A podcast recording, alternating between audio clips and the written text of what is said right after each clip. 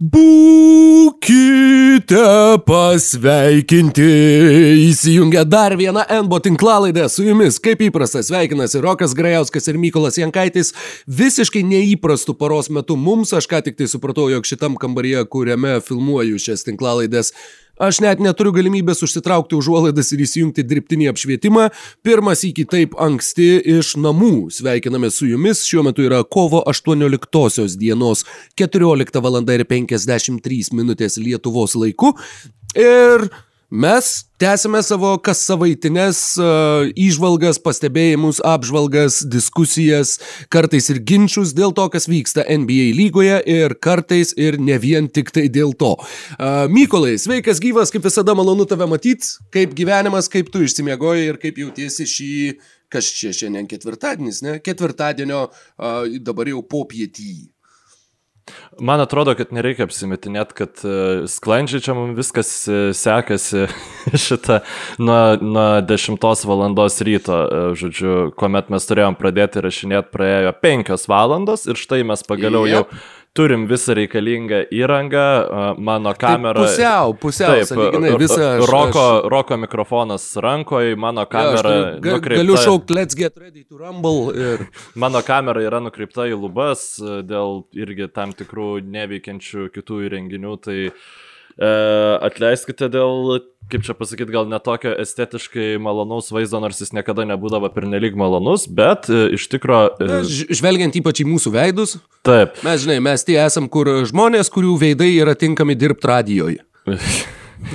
jo, jo, net, gal net ir tada ne pernelyg, nes radijoje dažniausiai, nu, du žmonės dirba vienas į kitą žiūrėdami, tai žinai, vis vien nu, jau. Nu, bent tas... jau, žinai, mes, mes tai jau įsitikinom per šiuos metus, kad vienas kitą pakenčiam. Uh, tai galėtumėm vienas į kitą radiją žiūrėti, nors dabar radijose irgi, žinok, pradėjo filmuoti visur, žmonės negali dirbti be kaukių, turi išnekėti su kaukiam, su pridengtų garsų, tai, tai, yra kas nervinasi ir yra kas irgi skundžiasi ir tas filmavimas radijose yra suprantamai erzinantis dalykas, tą žinau ir iš savo patirties. Jo, jo, mano Kol... mama tau pritartų dėl šito. Jėga, džiugu, kad, kad uh, su tavo mama mūsų nuomonė sutampa šiuo klausimu. Uh, šią savaitę dar prieš pradedant kalbėti apie tuos dalykus, kurie patraukia mūsų dėmesį NBA lygoje, aš noriu pasidalinti vienu labai uh, smagiu atradimu, smagiu atradimu bent jau man, tai yra uh, Kadangi aš esu daug žiūrėjęs visų 8 out of 10 cats does countdown arba The Big Fat Quiz of the Year ir kitokios visokios britiškos televizijos, man kažkaip YouTube algoritmas išmetė ne per seniausiai sukeltus Deivo Gormano, žmogaus, kurio aš visiškai nežinojau, laidos epizodus, jisai ten visus savo sezonus sumetė. Ir Deivo Gormano Modern Life is Goodish yra tai, ką aš labai stipriai rekomenduoju visiems, kas mėgsta intelektualų, humorą su britišku prieskoniu, su labai šalta ir nepermušama logika. Seniai nebuvau taip įkritęs į nieką, kur pasižiūrėjai epizodą ir tiesiog taip kaip saulė gražas ir varai vieną po kito ir po to jau supranti, kad net pradedi galvoti kažką savo, jau net pilnai nebe, nebesikoncentruoji į tai, kas yra tau pasakojama, bet vis vieną žiūri dar ir dar ir dar. Bet tas dalykas, kurį aš supratau, nes aš ilgą laiką žiūrėjau ir galvojau, į ką man tas Deivas Gormanas yra taip stipriai panašus ir kai aš galiausiai supratau, aš supratau, kad aš nebegaliu rimtai žiūrėti tos laidos, nes man atrodo, kad visus tuos mano girdimus uh, bajerius ir visas istorijas su britiška tartimi man pasakoja Marius Runkauskas. Uh, nes labai panašus man pasirodė šitie žmonės ir sakau, nuo tada, nuo tada kai supratau, tai ir nebegalėjau rimtai žiūrėti ir kol kas rimtai ir negaliu. Bet e, linkėjimai ir Deivui Gormanui, ir Marijui Runkauskui, o linkėjimai man, kuris išmoko share screen funkciją Mykolo dėka šiandieną. Ja dar pasinaudosiu. Tad e, Burelis, žodžiu, atidarysiu burelį žmonėm, kuriam elementariasias zumo funkcijas reikia. Žinai, taip, tai ten bus uh, pensininkai, pedagogai ir aš. Tikrai taip. Tad e, šaunant prie NBA dalykų e, yra vienas dalykas, kuriam iliustracijų neturiu, tačiau net ne vienas dalykas, o dalykai du. Turim du uh, mainų įvykius. Mainų, tris, rokai, tris. Tris? Aš tris. atsiprašau, trečią kažkaip tai net arba praignoravau, arba, Na, arba tris, praleidau. Tris mūsų dar neaptartus mainų įvykius, žinoma, Hamidų Dialo ir Svi Michailiuko mainai yra patys svarbiausi, o kurį iš Lyg kitų drebys. pamiršai, kit, kit, kit, kurį iš kitų pamiršai pamiršai, tai aš tikrai nežinau, bet... Ne, ne, tai kitus du ir atsimenu. Šitas, matai, pagal lygdrebio skalę buvo maždaug vieno balo mainas, todėl, todėl net nežinau, ką ypatingai daug apie tai ir pasakyti.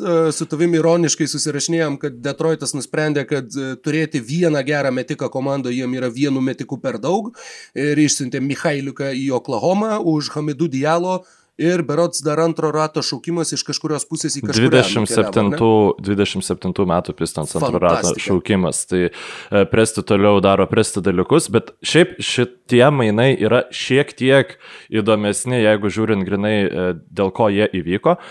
Um, tie, kas seko Oklahoma City Thunder komandą ilgą laiką, ypač kurie itin aktyviai sekdavo nuo to laiko, kai Kevinas Durantas paliko Thunder ir išvyko į, į, į Golden State Warriors, turėjo pastebėti, kad e, Oklahoma City Thunder turi vieną tipą krepšininkų, kuriuos visą laiką šaukia į naujokų biržą. Tai yra netaiklus, beprotiškai atletiški uh, žmonės.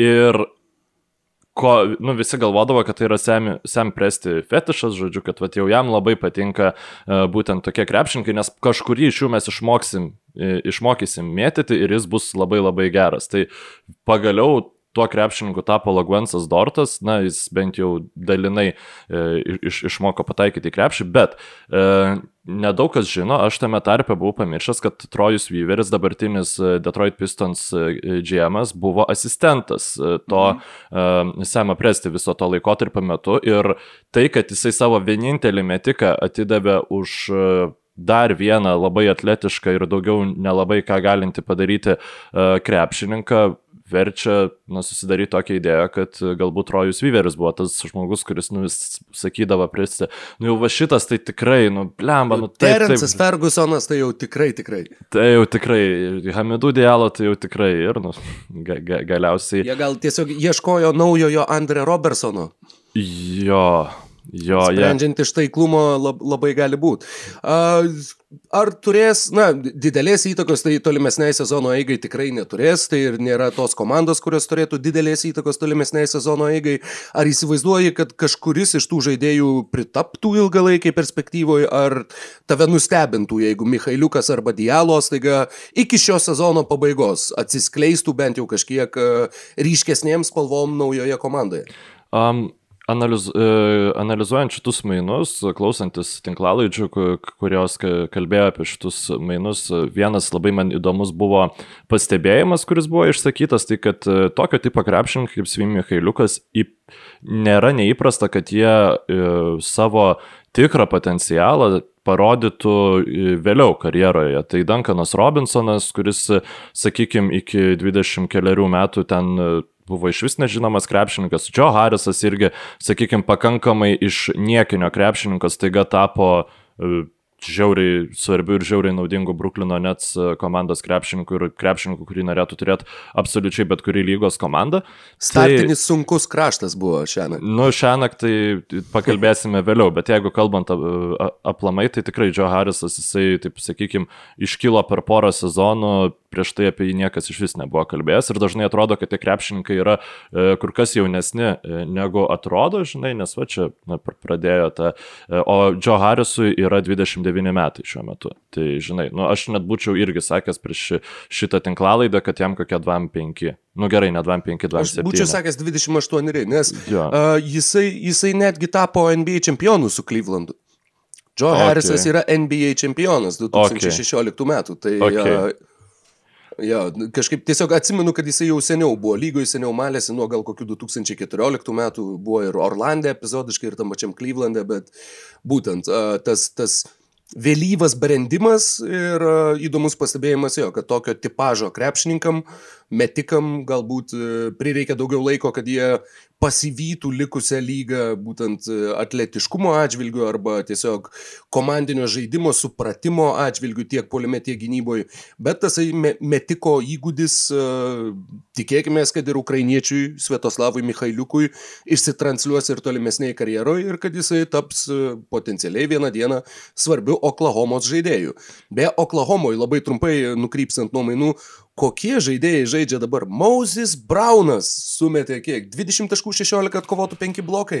Aš žiūrėjau savaitgalį rungtynes Grizzlių prieš Oklahomas, jeigu tokios vyko. buvo, Šita, buvo, buvo. Šitas tai, buvo pernelyg ankstyvos. Taip, atsimenu. aš, aš lygiai tą patį, žinok, pagalvojau, na aišku, aš įsijungiau, kai pamačiau, kad Pakuševski startą žaidžia. Uh, šiaip Pakuševski irgi na, labai įdomus krepšininkas, sakykime, uh, tik tai labai gaila, kad jo metimas yra jis pakankamai žemai išmeta kamolį, tai jo tas ūgis, kuris yra 2,17 m, e, berots, na, jis nėra toksai naudingas, koks galėtų būti, jeigu jis tą metimą išmestų, sakykime, na, ale Dirko Navickį stiliui, stiliumi. Tai čia toksai nukrypimas, bet taip pritariu, kad Moses Brown, ten, nu, tiesiog iš nieko. Aizėja Rauby. Aizėja, ne, Aizėja Rauby jau viskas, jau Aizėja Rauby tapo žinojom, bet... legit NBA krepšininku, jis buvo, jis buvo, sakykime, tas krepšininkas, kur dar pernai mes sakydavom, o čia visokie Aizėja Rauby žaidžia, dabar jau, dabar jau ne, dabar jau. Moses Brown atsimenu, kad buvo Portlande, bet irgi įsiminiau tik tai dėl vardo ir pavardės šitą žaidėją. O dabar sveikinimai jam sužaidus karjeros rungtynės ir pakliuvus į visą eilę Yahoo Fantasy komandų. Kiti mainai, mainai, kurie įvyko šią naktį. Tai tie mainai, apie kuriuos kalbėjom, kuriuos bandėm nuspėti, prognozuoti ar netgi spekuliuoti, kur mums labiausiai patiktų išvysti PJ Tuckerį ir mūsų norai kaip ir tapo realybė. PJ Tuckeris ir Rodionas Kurucas Uhu, keliasi į Milvokį už DJ-jus Augi ir Vilių, arba DJ Augustiną ir DJ Wilsoną, e, antro rato šaukimą teisę apsikeisti šios artėjančios naujokų biržos Houstono antro rato šaukimą į Milvokio pirmo rato šaukimą, apie šitą dar plačiau norėsis pakalbėti vėliau, ir tuo pačiu Milvokis išsiuntė Tori Kregą į Phoenixą, bei uh, Houstono Rockets gražino Milvokiui jų 2022 pirmo rato šaukimą, bet gavo 2023 pirmo rato šaukimą, neapsaugota tokiu būdu. Milvokis galėjo iškeisti 223 ir 21 šaukimus, nes atgavo 22 šaukimą ir nepažįsta pažeidė Stepijono taisyklės, tai yra, jog negalima iškeisti pirmo rato šaukimų dviejus metus iš eilės. Tokios daugmaž detalės ir e, tokie Taip, va maždaug mainai. Iškeisti galima, bet tu privalai turėti per ateinančius du metus, bent e, vienerius metus pirmo rato šaukimais. Gali būti, kad ir kitos komandos, bet, mhm. nu, žodžiu, čia e, šioks toks patikslinimas. Taip, ki, ki, kitu atveju tu turi naudoti apsikeitimo teisę.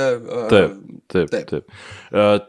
Tai šiaip labai jokinga, nu, man bent jau buvo labai jokinga, nes Houstono Rockets kaip ir buvo e, nutekinta informacija, aišku, iš jų pusės, kad jie nori labai daug už PJ Tuckerį, kad jie, e, Tuckerį, atsiprašau, kad jie nori jauno talento ir dviejų pirmo rato šaukimų, tai jie teoriškai juos ir gavo. Gavo DJ Wilsoną ir gavo du Milwaukee Bucks pirmo raundo šaukimus. Aišku, jie atidavė dar uh, tų pačių Milwaukee Bucks pirmo rato šaukimą, bet aš manau, kad Houston Rockets tikrai būtų, jeigu būtų galėję gauti kažką daugiau, jie būtų gavę. Turbūt e, nepavyko, Celtics nenorėjo kažko daugiau atiduoti, Brooklyno Nets gal ir negalėjo kažko daugiau atiduoti. Ir Milwaukee Bucks, aš manau, labai sustiprino savo šansus pakovoti dėl rytų konferencijos titulo su šitais mainais. 2023 pirmo rato neapsaugotas šaukimas, kurį atidavė Milvokis, tad e, po poros sezonų, na bent jau teoriškai gali, niekad negali žinot. Galbūt Janį užėjęs Anthony Daviso fazė, jis irgi norės palikti komandą, galbūt Milvokis 2023 bus toli gražu, nebe tokia dominuojanti ekipa, kokia yra dabar. Uh, įdomus dalykas dėl to apsikeitimo pirmo ir antro rato šaukimais šių metų artėjančioje biržoje. Tiesą pasakius, pirmą kartą matau, kad klubai sudarytų štai tokias sąlygas, kad mes galim apsikeisti, jūs mums duodat antro, mes jums duodam pirmo rato šaukimą, tiesa Milvokis dar užsidėjo apsaugą kažkodėl nuo pirmo iki devinto šaukimo, jeigu būtų jų pasirinkimas, jie jį išsaugotų. Tai yra, na, faktiškai neįmanoma, Milvokis tikrai bus atkrintamosiose, tas šaukimas bus tikrai už loterijos ribų.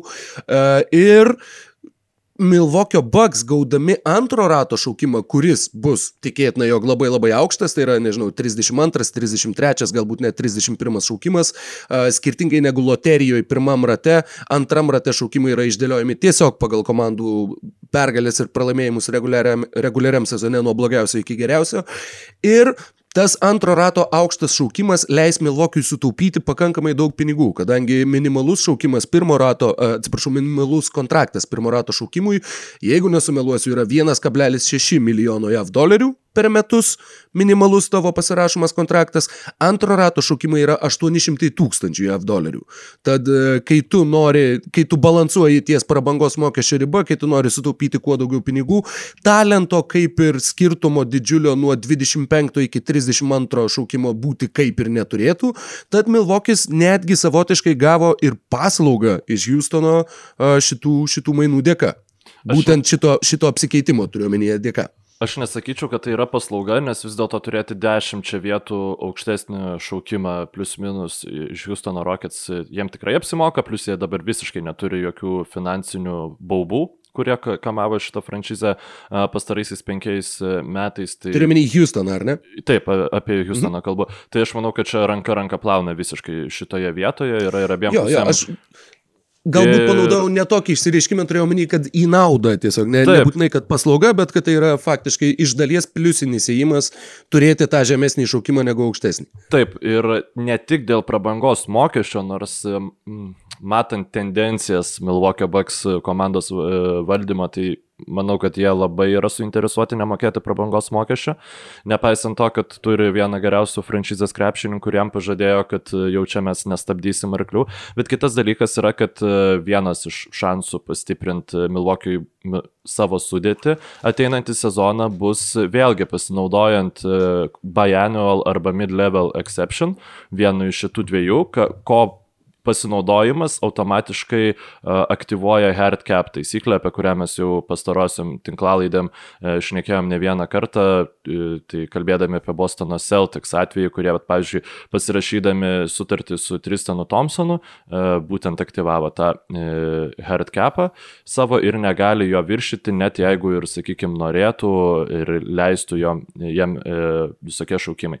Tai tuo atveju antro raundo šaukimai labai e, prisideda prie Milwaukee Bucks ateities, bet e, pakalbėkime apie dabartį. Jie atidavė e, DJ Augustiną, kurį, manau, gal ir būtų norėję pasilikti, bet tai yra visiškai reguliaraus sezono krepšininkas, atkrintamosiose DJ Augustinas būtų valgomas kiekvienoje atakoje. Žinoma, aš jau kalbu apie tolimesnius raundus, bet net ir pirmo raundo metu mes pasižiūrėkim, kad Milwaukee Bucks gali gauti į Na dabar tai atrodo negresmingai. Hornets, tai Hawks, visiškai. Bet, bet mes žinom, kad gali pasikeisti, gali tai tapti Bostono Celtics, kuri tikrai e, yra komanda turinti talento kiekvieną gynybinį netitikimą pasigauti. Tie patys e, Toronto Raptors, jeigu išliptų mm. iš šitos krizės, Indianos Pacers, aš irgi manau, mm. labai su dabartinė savo sudėtimi gali atakuoti prastai besiginančius krepšininkus labai sėkmingai. Tai tų komandų tikrai yra.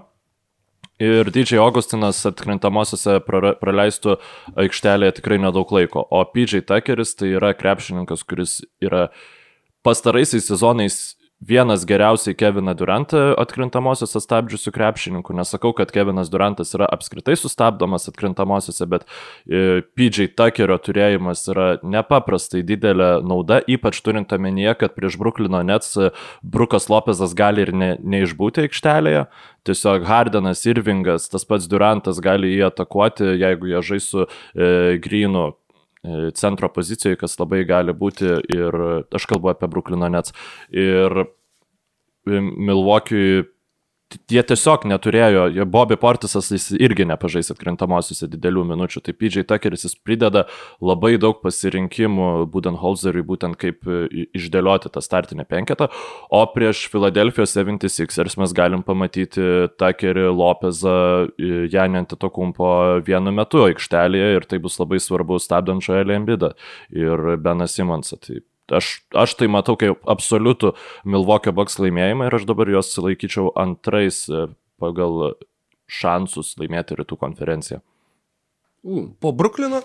Jo, jo, aš, aš vis dėlto manau, kad Filadelfijos klubas yra šiuo metu pernelyg vienos dimensijos ir ta viena dimensija, jinai, sakykime, nėra tokia, kokia yra Bruklino Nets, kuri, sakykime, jeigu Bruklino Nets, okei, okay, tai yra komanda, kuri labai aišku kaip žais, bet tiesiog galimai tu jų nesustabdysi niekaip kitaip. O Filad... būdų, kaip komanda sustabdo Filadelfiją, aš matau e, daugiau septynerių rungtynių serijoje, na, serijoje iki keturių pergalių aš turbūt visgi ir šiandien dar rinkčiausi Filadelfiją virš Milvokio, bet be abejo, bent jau teoriškai PJ Tuckeris puikiai tinka tai komandai, mes apie tai jau kalbėjom nesikį. Paskutinis dalykas, kurį dar turiu paminėti iš kitos barikadų pusės, yra tai, jog Houstonas sveikina Hometown Hero DJ Augustiną. Grįžtant į Houstoną, jisai ten baigė vidurinę, žaidė ir už Texas Longhorns universitetą, baigė tą pačią vidurinę vidurinę kaip Danuelis Hausas, žodžiu, vietiniai Houstoniečiai, dar ypač tie, kurie mokėsi tam pat, visai tuo didžiuojasi. O kalbant apie PJ Tuckerį, vienintelis klausimas be abejo yra amžius, yra tai, kad žaidėjas jau kurį laiką nežaidė, bet tai neatmušė Milvokio Bucks entuzijazmo ir panaši sąlyga neatmušė ir kito mainus atlikusio klubo noro pasipildyti žaidėjų, Miami Heat antrą sezoną iš eilės. Jam įpusėjus pasipildo žaidėjų, kuris nuo jo pradžios net nebuvo su komanda, kuriai nominaliai priklausė. Trevoras Ariza iš Oklahoma Thunder į Miami Heat už Meyersą Leonardą ir 2027 antro rato šaukimą fantastiški skaičiai. Thunder jau pranešė, kad nemato Merso Leonardo savo komandų, jis po sezono tampa laisvojų agentų, o Ariza paskutinį kartą NBA rungtynėse žaidė dar prieš Burbulo Orlandę pradžią. Galima atsiminti ir manau daug kas tie, kas klausosi reguliariai, atsimena tą istoriją, jam ten visi teisminiai dalykai, vaiko priežiūra ir visa kita. Ir nuo tada mes jo aikštėje ir nematėm, tad nematėm kiek metus. Metus. Sustojo sezonas kovo 11, ar ne? Taip, taip, taip. Šiek tiek jau sava, prieš savaitę, man atrodo, buvo metinės tos. Mm. Net Jonas Miklovas Basketinius puslapyje buvo paskelbęs naujieną, kaip buvo sustabdytas NBA sezonas, kas ir tapo tokiu kaip ir simboliniu COVID įsitvirtinimo mūsų žemėje ženklu. Nu, bent jau man ir, manau, labai, jo, jo. labai ne, nemažai žmonių. Tai. Tai jo, me, metai šitos peklos ir metai atostogų Trevorui ir Rizai. Tiek, noriu dar šiek tiek ir apie PJ Tuckerį, bet tas pats galioja ir Trevorui ir Rizai. PJ Tuckeriui gal labiau. Tuckeris, jam yra 34 metai. 35 ar 34. Gerai. 34 Aha. ir jisai nuo pat savo kontrakto pasirašymo su Houstono Rockets na, buvo kankinamas. Tikrai jis žaidė labai daug minučių. E, praėjusią sezoną tai ten iš viso, kai jis žaidė centro pozicijoje ir e, kovojo su žymiai už save aukštesniais, stipresniais žmonėm. Atsiprašau, jam vis dėlto 35 rokai, tu buvai teisus. Ir aš manau, kad šitas polisis jam buvo lab, labai išeis į naudą. Nes, sakykime, turint omeny, kad tai buvo vienas geriausių iš kampų, iš kampų tritaškius metančių krepšininkų lygoje praėjusi, praėjusi ir už praėjusi sezonus, šį sezoną jis tikrai mm. prastai tiek pataikė, tiek apskritai galima netgi sakyti žaidė, bet e, man atrodo, kad tas krepšininkas yra jau pakankamai įrodęs, kad mes galim pasitikėti, kad jisai pasilsėjęs įžengs į rotaciją ir atrodys, na, panašiai gerai, kaip atrodė pernai metais jūs ten Rokės gretose. Duok dievė, kadangi laikas vis dar yra nenugalėtas ir yra ne, neįveikiamas čempionas, visi vis viena galiausiai nulenkia savo galvą prieš jį, tai tikėkime, kad PJ Tuckeris dar bus naudingas. Be abejo, jisai nebus stebėtinai naudingas komandai statistikos protokolų atžvilgių, tačiau jo įnešama ta papildoma dimensija, apie kurią tu kalbėjai, be abejo stiprina Milvokio Bucks klubą. Dėl Arizos Tai lygiai taip pat bičias išsilsėjęs talentą ir jo gebėjimus mes žinom, bet dėl jo man šiek tiek yra neramiau, nes tai tikrai jis labai, jau du sezonus jisai, sakykime, reguliaraus žaidimo negavo. Jis atrodo, kad Portlandė aš net nepasakysiu, kiek jis mėnesį laiko žaidė. Nes e, kad, kada jie išsimainė tik... Iš Sakramento, taip. Taip, tik, tikrai labai mes buvom labai susijaudinę ties tuo e, e, Portlando papildymu, bet taip, taip per daug jo ir, ir nepamatėme. Tai Na, net ir prie, po praėjusios mūsų tinklalaidos komentaruose vienas iš klausytojų sakė, kad, na, velnės žino, kaip čia tas e, Ariza atrodys. Mm, nejaugi bet... bus sezonas, kuriame Ariza nebus iškeistas. Ne, jo, nebuvo, nebuvo. Ne. Viskas gerai. Pasaulyje yra balansas, gali būti pandemijos, gali viskas, bet Ariza turi būti iškeistas NBA sezono metu. Viskas ir, yra gerai. Ir jisai tapo daugiausia kartų iškeistų krepšininkų lygos istorijai. Tai yra 11, 11 mainai, kuriuose dalyvavo Trevoras Ariza, bent jau tiek užmačiau tokį faktą Twitter'yje. Tai Geras. jeigu kas ir gali pilnavertiškai išnaudot ir kam labai trūksta Trevoro Rizas, tai yra tikrai, tikrai Miami Heat, turi puikią reputaciją ties fizinio krepšininkų įvedimu į fizinę kondiciją. E, Goranas Dragičius atrodo tiesiog ten per atkrintamasis išlenda iš to jaunėjimo eliksyro ir vėl atrodo taip pat kaip geriausiai savo metais e, e, Phoenix'o Sans gretose, tai labai įdomu bus pamatyti, kaip atrodys Trevoras Ariza. Aš manau, kad dvi rytų konferencijos komandos pasiemė krepšininkus, kurie labai rimtas ro roles gali vaidinti jų komandai atkrintamosiose. Tai man labai patinka šitie papildymai. Aš būtent tokių mainų ir laukiu, kuomet iš komandų, kurios kaip ir nelabai figuruos tais įdomiausiais sezono momentais, e, krepšininkai išeina į komandas, kur, kur tie krepšininkai galės parodyti savo talentus geriausiai. Jums negalėčiau pritarti labiau. Uh, Trevoras Ariza beje faktiškai na, nebūtinai pakeis, tačiau na, realiai užims tą vaidmenį, kurio buvo tikimasi iš Mo Harkleso prieš šį sezoną. Mo Harklesas Miami'e buvo, bet kažkaip tai nieko, nieko ypatingo nuveikti nesugebėjo. O patys Miami krepšininkai mūsų pokalbio metu yra jau ketvirtoje rytų konferencijos vietoje. E, apskritai, koks ryškus yra atotrukis tarp pirmų trijų komandų rytų konferencijos ir jau faktiškai beje galima sakyti ir ketvirtos, nors jisai nėra mm, skaitinis atotrukis pergalių ar pralaimėjimo atžvilgių, tačiau potencialo atžvilgių ir tarp tos likusios grupės, kur penkta yra Šarlotė, šešta Atlanta, septintas Bostonas, aštunti New Yorkas, devinti Bullsai, tuomet Pacers, Raptors.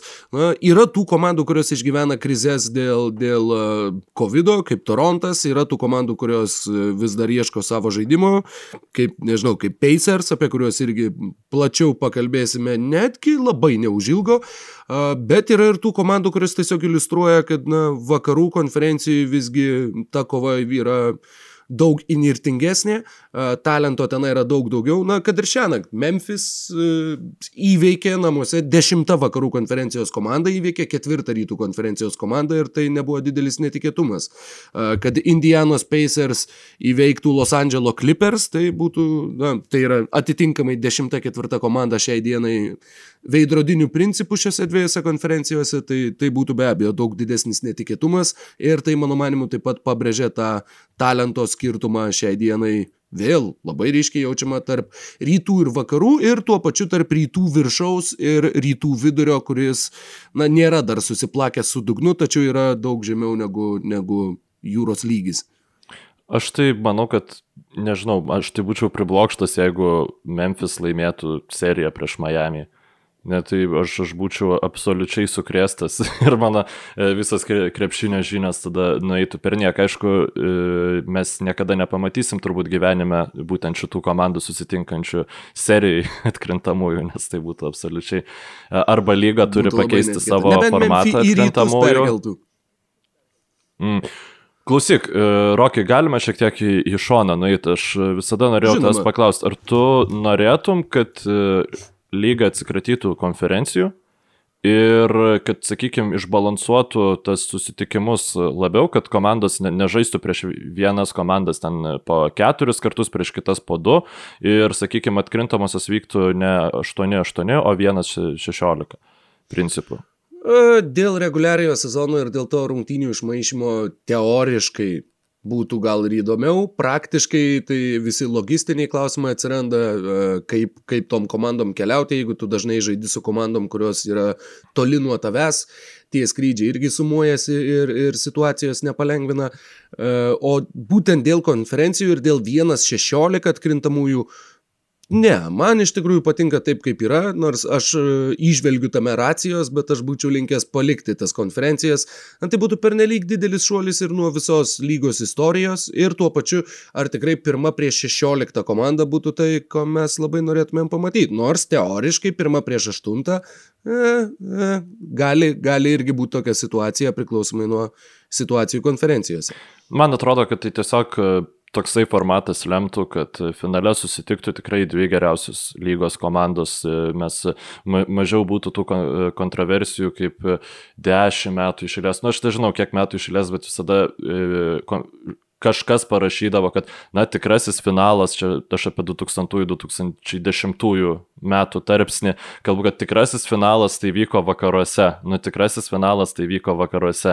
Ir tas tikrai e, labai užknisa mane. Mm, ir, na, aš tiesiog, kadangi nesu gal toks prieraišus e, tradicijom, e, sakykime, ypač sporto tradicijom, man atrodo, kad vis dėlto sportas e, tai yra šau, tai yra reginys ir tam, kad tas reginys būtų kuo geresnis, reikia pasitelkiant technologijas, pasitelkiant e, taikomus, atsiradusius papildomus komfortus visokius, kad na, tikrai dabar kelionės yra kur kas sėkmingesnės, kur kas sklandesnės, e, galbūt tinkamesnis žodis yra. Ir būtent tai, kad e, komandos, sakykime, iš skirtingų Amerikos kraštų turėtų žaisti ten seriją atkrintamosiose, kas nebūtų finalas, gal tai nėra kažkokia labai didelė tragedija. Na, o rezultate tai Bet privestų... paskraidyktų ten iš Portlando į Orlandą per visą šalį, pirmyn atgal. o kodėl, kodėl, finale, kodėl finale tu gali skraidyti iš Portlando į Orlandą? Finale tu gali iš, išskirti laiką. Finalas vyksta, nu,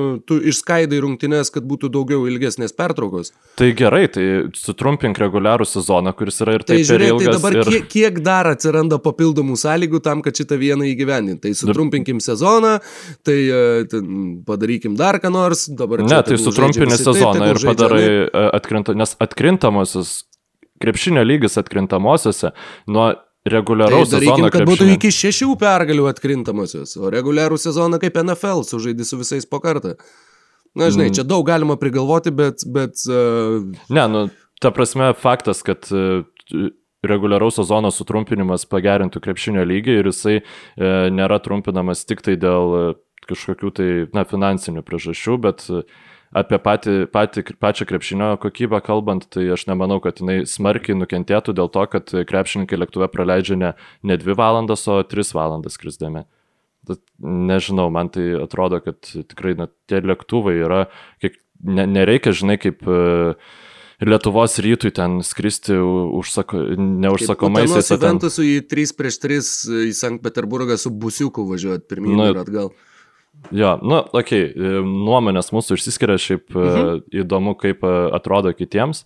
E, ir tai gerai, jeigu reiktų spėti, kaip tu manai, ar šitas formatas nepasikeis iki, nežinau, iki mes jau būsim nebeįgalus žiūrėti krepšinę. Ar... Iki kol būsim neįgalus, tai žinoma, kad gali pasikeisti ir gali, gali pasikeisti daugybė dalykų. Gali ir kyborgai žaisti NBA lygoje, vėlniai žino. Bet, bet manau, kad per artimiausius bent jau 3-4 sezonus, manau, kad tų pokyčių mes ne. ne Oi, 3-4, tai, tai tikrai ne, aš tai galvoju labiau, kad po kokių 10 metų smagu būtų. Nu, bent jau. Jeigu ne mano vaikai, tai gal mano vaikų vaikai, kaip sakydavo senuose anegdotuose. Kągi, mes galim keliauti prie tos komandos, kurią jau paminėjom, tuo pačiu ir tų rungtynių, kurias jau paminėjom, kadangi, kaip suprantu, jas matėme būdu, aš tiesiogiai jau tų įrašą, Indianos Pacers prieš Brooklyno Nets, tačiau prieš kalbant apie tas rungtynes, kadangi ten manau, jog turbūt Na, taip pat abu du turėsim ką pasakyti. Po visų žvaigždžių savaitgalio pertraukos Indianos Pacers šiuo metu yra sužaidu, sužaidę ketverias rungtynes, iškovoję vieną pergalę, patyrė tris pralaimėjimus. Los Andželė pralaimėta Lakers 100-105, Phoenix'e Keriso Leverto debutinėse rungtynėse 122-111 pergalė prieš Suns, taip pat pakankamai netikėta, bet po šitų rungtynių jie strigo ir negalėjo nusileisti Denveryje, kadangi Denveryje buvo baisi pūga, tenai per kelias valandas prikratė beveik 60 cm sniego, galiausiai jie nusileido Denveryje, vos netiesiai atvažiavo į areną, nusileido Denverį 106-121, o šią naktį namie Indiana krito prieš be Kairį Irvingo ir Kevino Duranto žaidusius Netsus 115-124 du labai įspūdingi rodikliai, ar kaip čia pasakyti, na, faktai apie šitą Pacer seriją. Apskritai šitas pralaimėjimas Brooklynui jiems buvo šeštas pailiui patirtas pralaimėjimas namuose. Jų Bankers Life Fieldhouse arena yra atidaryta 1999 metais, joje niekada Pacers nebuvo pralaimėję šešis kartus iš eilės. 85 metai yra pastarasis kartas, kai Indiana turėjo tokią pralaimėjimų seriją namie. Ir tuo pačiu, kas sieja visas tas ketverias rungtynes po visų žvaigždžių savaitgalio pertraukos. Visose, visose iki vienų Indiana pirmavo po trijų kelinukų, bet ketvirtus kelinukus per šitas ketverias rungtynes jie pralaimėjo bendru rezultatu 85-137. Wow. Vidutiniškai 13 taškų deficitas ir būtent lemiami ketvirčiai dar ir dar ir dar ir dar kartą palaidojo Indianą būtent po, po visų žvaigždžių savaitgalio pertraukos. Vienas dalykas, kurį dar norėjau prieš pradedant apie rungtynes, kuriuo norėjau pasidalinti, COVID pandemijos sąlygos iš tikrųjų, na, kartais yra labai suprantamos ir labai suprantama, kaip ir kodėl žmonės jas bando apeiti. Tačiau mane asmeniškai labai uh, privertė nusišypsoti šią naktį, kai Krisas Denari ir Quinas Buckneris, uh, kaip matom, sėdi, nu aš tai kažkur tai sėdi. Tačiau kai tu žiūri tiesiogiai, tu matai, kaip šviesų prožektoriai praeina identiškai per tą juodą maršką ir suvokia, kad jie sėdi vienas kitam už nugaros ir jie tiesiog taip neva laikosi šito viso socialinio atstumo. Tad tiesiog smulki detalė, kuri, kuri patraukė dėmesį ir kuri irgi norėjos pasidalinti. O pačios rungtynės geros, tikrai geros rungtynės, bet žinoma teko pasikeikti. Sergant už peiserius, kadangi na, daug, daug dalykų, kurie kelia nerimą. Vėl ketvirto kilinuko pradžia labai sunki, prieš Denverį jie pirmavo, bet ketvirtą kilinuką pradėjo 2-22, prieš Brukliną taip pat ir daug polime atkovotų kamolių Bruklino ir daug išprovokuotų klaidų ir Indianos visiškai sustingęs polimas ir štai toks rezultatas. Um, kažkaip norėčiau pradėti e, šių rungtynių analizę teo, e, tokių teorinių klausimų. Kaip manai, kokį, kokios pozicijos krepšininko Indianos Pacers e, reikėtų labiausiai iki, čia tos aštuonios dienos liko iki uh, mainų lang, langas užsivers? Uh. Šiandien, kai žiūrėjau, ir e, sakau šiandien, na, aš dar nelabai mėgojęs, tai dar faktiškai šiandien. Uh, tai faktiškai šiandien. Jo, faktiškai, faktiškai šiandien. šiandien. Ai, nu jo, jo, teisingai, netgi ir iš tos pusės žiūrint. Uh, pagavau save ir susijokiau, nes būtent tai dar net nebuvo to ketvirto kelinuko pradžia.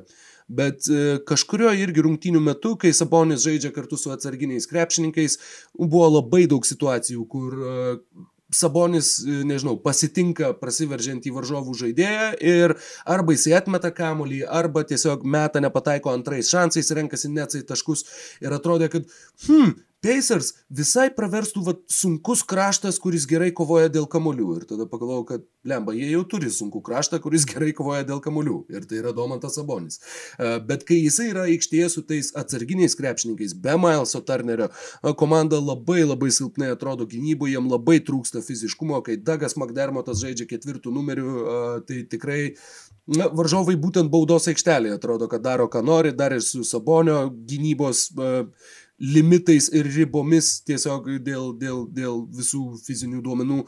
Na, bet net nežinau, na sakau, žiūrint man šovė galva šitą mintis, tada pagalvojau, kad galbūt jinai ir nėra pilnai racionali, bet Indianos Pacers tikrai, tikrai nedžiugios kol kas, kol kas pastarosios dienos. O kaip tau atrodo, Mykulai, kaip pats atsakytum į savo šitą klausimą, nes įtariu, kad atsakymą tu turi.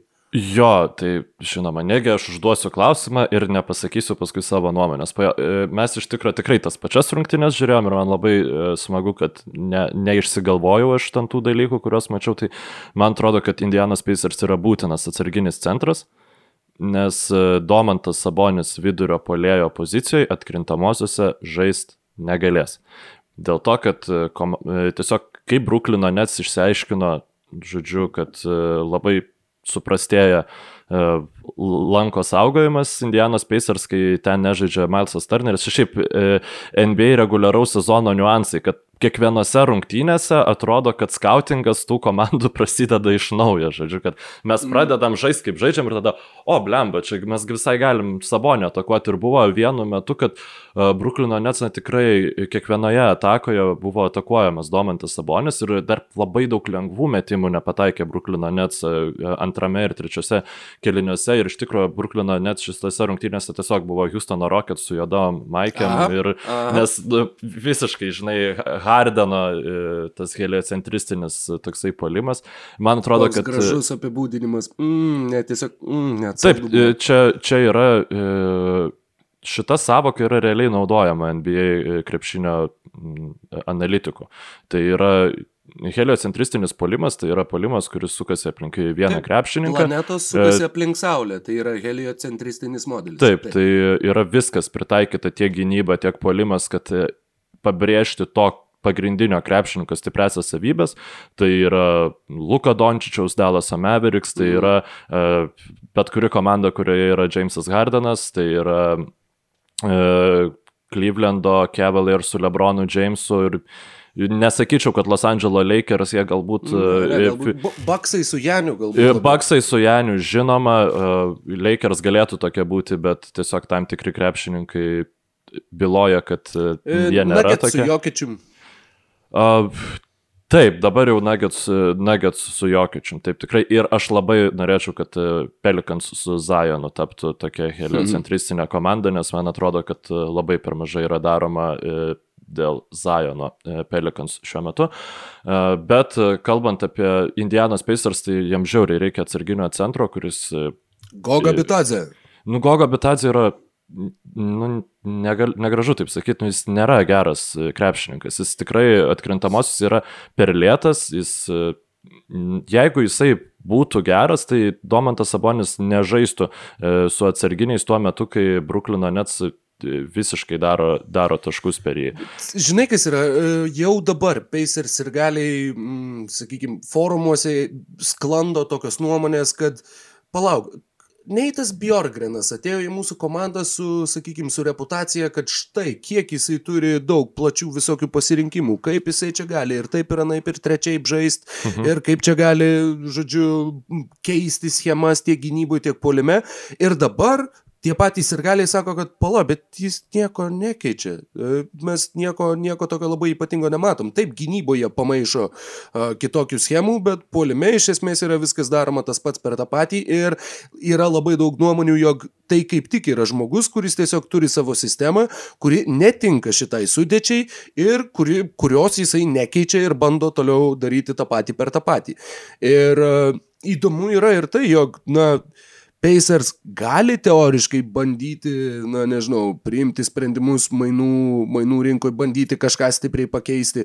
Gali netgi, jeigu toliau jiems labai sunkiai viskas klostysis, o jų uh, iki balandžio pirmos, tai yra lygiai per artimiausias dvi savaitės nuo mūsų šito pokalbio, jų laukia septynerios rungtynės. Per dvi savaitės. Penktadienį, šeštadienį, dvi dienės Miami'e su Heat, tada išvyka į Milwaukee, namie su Pistonsais, mm, išvykose su Dallasu, e, su Washingtonu ir namie dar kartą su Heat, nuo kurių pernai jie 0-4 gavo atkrintamosiose. Tai jau po šitų septyniarių rungtynių, na čia taip žiūrint, kaip čia pasakyti, iš, iš tokios labai racionalios ir sausos pusės, teoriškai tai atrodo kaip 2-5. Vašingtonas ir Detroitas yra įveikiamos komandos, kitos komandos šiuo metu žaidžia daug geriau negu Indiana. Ir po tokios dar atkarpos, jeigu jinai dar labiau prasitėse, na, tuomet jau, jau iš tiesų kyla klausimų. Štai, iki mainų lango dargi tik savaitę tai bus kiek mažiau rungtynių, tačiau jeigu mainų langui praėjus tie rezultatai negerės, kokia yra tikimybė, kad kai Neitas Macmillanas jau treniruoja Atlantą, Pacers galiausiai atleis pirmame sezone žmogų, kuriam uh, patikėjo var, uh, vairą atleidę Neitą Macmillaną. Um, aš manau, kad jeigu ir atleisti, tai atleis jau po pirmo sezono, jeigu, sakykime, Pacers nepatektų į tą play-in turnyrą, jau tada tiesiog galimai pasakytų, na, pabandėm su nauju treneriu, visiškai nesigavo ir tada jau priminėtų sprendimus, ar čia trenerio kaltė ar sudėties kaltė ir mes vėl než, neturėtumėm atsakymą, ar ne, e, kaip ta Pacer sudėtis. Man tai ši Pacer sudėtis labai patinka. Brogdonas, dabar Leveras, e, Levertas, atsiprašau, e, grįžo Indianos Pacers gretas ir, sakykime, tiek daug tokių dinamiškų. Grįžo? Atvyko, galiausiai. Paga, atvyko. Pagaliau atvyko, taip, tokie daug dinamiškų krepšininkų, kurie yra visiškai komandos žaidėjai. Ir sakau, man Pasimkite Džavalą Magį, pasimkite Džavalą Magį, žodžiu, ir aš noriu pamatyti, kaip atkrintamosiose tada atrodo, bet tavo išsakyti argumentai, kad, sakykime, nepakankamai diferencijuoja rotacijos e, e, pasirinkimų, nei tas Bjorgranas visišką priešingybę Nikui Narsui, kuris kiekvienose rungtynėse atrodo ištraukia kažkokį mm. zuikį iš kepurės. Mes matom, kad šiaip abiejų komandos labai panašiai kol kas žaidžia šį sezoną Na, tai rezultato klausimų. Taip, taip. Beje, apie Karisą Levertą, kas labai kaip čia pasakyti, stebint visų pirma, tai labai ryškiai matėsi iki kiek Pacers trūko tokio žaidėjo nuo tada, kai jie atidavė Oladipo, man atrodo jau praeitą savaitę kalbėjom apie skaičius, kaip jie žaidė su Oladipo ir kaip žaidė be. Žinoma, Levertui dar reikės įsivažiuoti po operacijos, ilgai nežaidęs, bet jau dabar tie 2 prieš 2 su tuo pačiu Domantu Saboniu atrodo, jog lyginant su Viktoru Oladipo, Levertas turbūt visgi yra net ir šitoje jų abiejų karjeros stadijoje, netgi ir šią akimirką pastebimai netoks geras gynyboje, bet a, jisai labai gerai mato aikštę ko kažkaip į ką aš nebuvau atkreipęs dėmesio jam žaidžiant Bruklinė, jisai dažniau būdavo tas žmogus, kuris meta pats. Dabar jisai tikrai per šitas porą rungtynių, kurias teko matyti, palieka gerą įspūdį, kaip gražiai surandantis komandos draugus krepšininkas, tad tas antraeilis kūrėjas, kas netgi Pacers komandoje šiuo metu net neaišku, kas yra pirmaeilis kūrėjas, Malcolmas Brogdonas irgi nėra tas tipiškas įžaidėjas, daugiausiai rezultatyvių perdavimų komandoje atlieka tavo startinis sunkusis kraštas, tad tas toks išsidalinimas bus įdomu, kai Levertas įsibėgės, pamatyti, kaip ta komanda atrodys neaišku iš vis, kada grįš į aikštę TJ Warrenas. Aš tai sakau, labai tikiuosi tiesiog, kad Pacers bus atkrintamosiose ir kad pagaliau galės organizacija pamatyti, ką per komandą jie turi ir kad jie neturės vėl atkrintamųjų be kažkurio starto penketo žaidėjo ir tada vėl mąstymo, kad kaip čia būtų buvę, jeigu būtų buvę ir kaip čia dabar elgtis, kad būtų kitaip negu buvo. Taip, Voreno beprotiškai trūksta ir dėl to, kad tai yra stiprus fiziškai krepšininkas, kurio e, gynyboje na, neturi daug tokių e, žaidėjų. Labai, sakykime, liauna komanda yra Indianos Pacers, tas pats Milesas Turneris, jisai uh, lankas augo labai gerai, bet uh, lankas augo jo uh, ilgumas, jo rankų ilgumas, jo šuolis, kuris, sakykime, sen tai yra skirtingo profilio negu, žinai, tie tokie uh, tankai, kurie... Rudy Goberai ir... Na, Rudy Goberas tai jis iš vis yra hybridas ir jis yra ir ilgas, ir šoklus, ir, ir, ir stiprus, didelis žmogus, žodžiu, bet uh, DJ Warreno labai trūksta ir man atrodo, kad Indianos Pacers niekada nebus ta komanda su dabartinė sudėtim, kuri galėtų viską keistis gynyboje. Uh, E, tiesiog e, jiem reikia taikyti tas e, tradicinės gynybos schemas. Ir apart Bruklino Nets, atsiprašau, be Bruklino Nets ir, sakykime, Bostono Celtics, jeigu jie kada nors grįš į formą, rytų konferencijoje nėra tiek jau daug tų komandų, prieš kurias būtinai reikėtų viską keistis gynyboje ir galima tą tradicinę gynybą pabandyti gintis, um, kur, sakykime, jau centras saugo lanką atsitraukdamas nuo pick and rollo. Ir tam tikrai reikia atsarginio centro, nes tiesiog dabar aš matau grinai, kad išėjus Malsui Turneriui bus važiuojama visiškai per Indianas Pacers krintamosiose, jeigu jie jas papuls. Mano, mano yra toks išsinešimas iš šitų rungtynių. O apie Bruklino Nets, jeigu šiek tiek kalbant, tai, na, Jamesas Hardenas dar sėki įrodė, kad tai yra neįlinio sugebėjimo krepšininkas. Aš kaip pamačiau e, tą sudėtį irgi tas centras atsarginis Bruklino Nets, Klakstonas. Nikas Klakstonas, a. Tur, pavardė, na, buvo toks krepšininkas, na, Speedy Claxton. Claxtonas mm. ir jis, žinai, man, man kažkaip ta pavardė greitai atrodo, kad jis tik gynėjas gali būti su šitą pavardę. Ir visiškai aš, net, aš taip ir nesupratau, ar geras tas krepšininkas, ar jisai žais NBA lygoje ir čia yra jo. Jo, jo, tarsi jis, jis yra kažkuo panašus galbūt į Jacksoną Heisą, tik tai netokių ilgų rankų, netoks šoklus, bet turi labai gerus fizinius duomenis ir, ir uh, spėjo sužaisti keletą neblogų statistiškai rungtynių, bet be abejo reikia, reikia taip pat dar labai daug patirties ir labai daug darbo. Bet mano manimu, ten NBA krepšininkas yra. Tada Tyleris Johnsonas kūne. nusprendė, kad uh, Varežavo buvo stilius buvo nesuprastas ir jam reikia tęsti tą e, šukuosenos tradiciją. Aš visiškai, aš kadangi žiūrėjau užsimutinęs tas rungtynės, aš nesupratau, kas ten per bičias bėgioja. Aš du kartus praskrolinau e, Bruklino net sudėti, kad e, dedukuočiau, kad čia Tyleris Johnsonas. Tikrai. Mes žiūrėjom su bičiuliu, tai kažkaip gimė sakinys, kad Tyleris Johnsonas atrodo kaip bičias, kuris Venice Beach paplūdimi prieitų prie tavęs basom kojom ir paprašytų centų. Nes tas, tas, a, tiesiog tas stilius, nu, jis toks, toks savotiškas pasirinkimas, bet, bet Tyleris Johnsonas beje sužaidė labai geras rungtynes, o Jamesas Hardenas, man žiūrint šitą susitikimą, vienas, viena mintis labai stipriai sukusi galvoje ir iki rungtynių pabaigos tik dar labiau stiprėjo, jis atrodo geriau negu kad atrodė Houstone. Aš kalbu ne apie šią sezono pradžią, kai jisai žaidė visiškai uh mhm. -huh. nusispjovęs, bet aš turiu meni, kad jisai galimai atrodo geriausiai savo karjeroj. Ir turint omeny, kokia buvo jo karjera, tai tai reiškia labai labai daug. Bet uh, tikrai meistriškai visiškai sužaidė 40 taškų, kiek ten 15 rezultatyvių perdavimų ir dvi klaidos. Uh, Tai, tai yra visiškai nehardeniška. Visada buvo Hardenas ir Vesbrukas klaidų lyderiai NBA lygoje. Nevelnio, disciplinuotai, gražiai, protingai uh, su Hardeno kontekste, tai tiesiog stulbinančiai gerais, brandžiais sprendimais. Ir uh, įdomu yra tai, kad Maikas D'Antoni vis dar yra, sakykime, ant trenerių suolo arba tiesiog trenerių štabe, bet galbūt kažkokie ir Steve'o Nešo taktiniai pokyčiai uh, padėjo Hardenui brandžiau pasijust, galbūt tas, ir tas atvykimas į komandą, kur tu esi trejato dalis, o ne didžiųjų dvejetų, kurie nepasiteisino pastaruosius daug bandymų Houstone, uh, tad buvo ir smagu, ir tuo pačiu truputėlį netgi savotiškai baugu pamatyti, kaip gerai šiuo metu atrodo Jamesas Hardenas. Na, po 4,3 klaidos Bruklinė renka Jamesas Hardenas šį sezoną, tai yra... Jis, jis žaidžia daugiausiai minučių lygoj, dar nepamirškim to.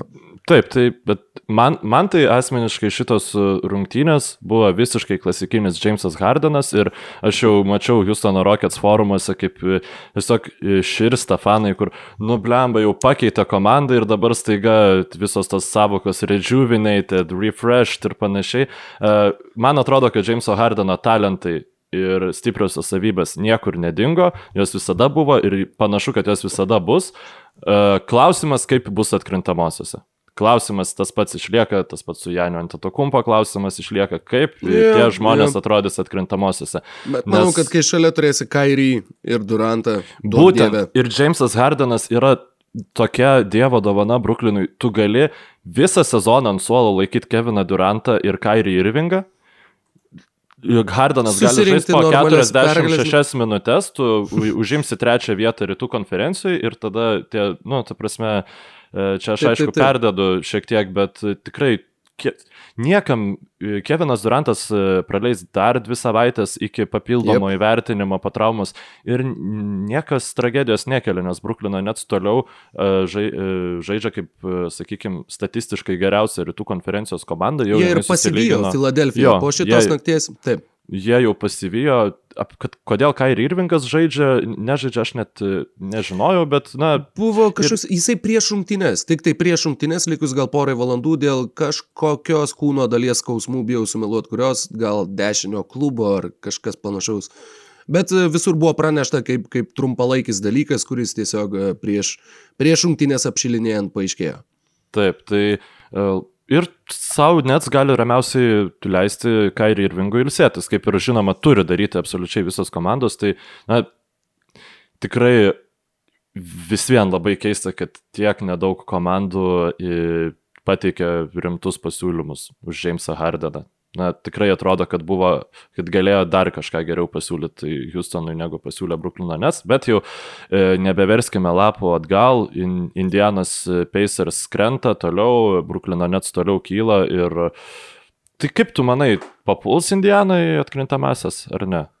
Jo, aš manau, kad jo. Manau, kad e, tą patį Levertą integravus ir jam pačiam įsiintegravus į žaidimą ir tuo pačiu ir komandai, na, išlipus iš šitos mini duobės, nes dabar jie žaidžia ir su tokiu nervingumu. Ypač tai ir jaučiasi dėl tų ketvirtų kelinukų, kadangi, na, jeigu tu visus ketvirtus kelinukus pralaimi tokiais skirtumais, tai čia jau veikia ir psichologija. Čia yra ne tik taktika, čia yra ir, ir tai, kad komanda tiesiog nepasitikė savimi ir nežaidžia ties savo galimybių riba ar bent jau arti jos. Uh, tad manau, kad taip, manau, kad Indiana atsities, Indiana uh, tuoj pat pasižiūrėsiu dar į turnyro lentelę, bet na, šiaip jau tai taip, spėčiau, kad jie turėtų būti ir aštuntuke, mano manimu, ne tik, ne tik top 10. Uh, kaip tam aštuntukė jiems seksis, jeigu užim 7-8, ar jie išlys į tikrasias atkrintamasis, uh, bus matyt, bet, bet mano manimu, jie turėtų, turėtų dar įsibėgėti, nors Indy Star skelbia, kad uh, Knicks, Lakers, Clippers, Hornets ir Pelicans yra tarp komandų, kurios uh, tyrinėja, ar Pacers būtų pasiryžę atsisveikinti su lygoje pagal blokus pirmaujančiu Malsu Turneriu. Pala Clippers? Jo, taip, jo, taip praneša Indy Star. Taip, ką, ką realistiškai Clippers galėtų pasiūlyti Nieko. Paulą Džordžą? Lakers. Nu, ta prasme, nu, tikrai nu, būtų juoko. Šitą net, ne, nežinau. Paulas Džordžas grįžta į Indianą. Man labai yra jokingi tokie gandai, kur, sakykime, parašo bilę parašyti, nu, kaip tu Milesą Turnerį, kuris žaidžia geriausią sezoną nuo, nežinau, savo kontrakto, e, pirmų to kontrakto e, metų, kurį, kurį jis dabar turi. Ir aš nežinau, man tai būtų nesuvokiama, jeigu Pacers iš, iškeistų bet kurį iš savo krepšininkų. Aš ne, nemanau, kad, sakykime. Ne, ne visai bet kurį, nemanau, kad. Ne, turiu omeny, nu, jeigu jie iškeistų Brogdoną, Sabonį, Turnerį ir tą patį Leverą, mm. Levertą, tiesiog turint omeny, kad, nu, nebent jie gautų už jį, jį Bradley bylą, žinai. Mm. Bet uh, aš manau, kad jie realistiškai ne, negalėtų gauti krepšininką, kuris labai aiškiai juos kilsteltų į į visiškai kitą kategoriją. Nu, sakykime, Toronto Raptors irgi būčiau sakęs, kad nerealistiška, kad jie galėtų gauti už Demarą Derauzaną Kawai Leonard, žinai, nu tai čia mm. irgi, jeigu tau už Ma Malcolmą Brogdaną pasiūlo Bradley bylą, tai tu aišku tą darai, bet uh, man labai patiko, iš tikrųjų, kaip žaidė prieš Brooklyno Nets Indianos Pacers, labai gaila, kad jie tas rungtynes pralaimėjo, Domantas Sabonis atrodo šiaip nuostabiai, puolime ir gynyboje jis yra labai vikrus e, krepšininkas, Taip. kalbant apie sprendimų prieimimus, jisai kiek kartų pagavo netikslius perdavimus ir nubėgo į kontratakas ir mm -hmm. mane, mane netgi, sakau, aš... Taip... perimti kamuoliai, labai atsiprašau, kad pertrauksiu, bet šito dar iškau, tai buvo penktą kartą karjeroje ir ketvirtą kartą šitam sezone, bent keturi perimti kamuoliai per rungtynės.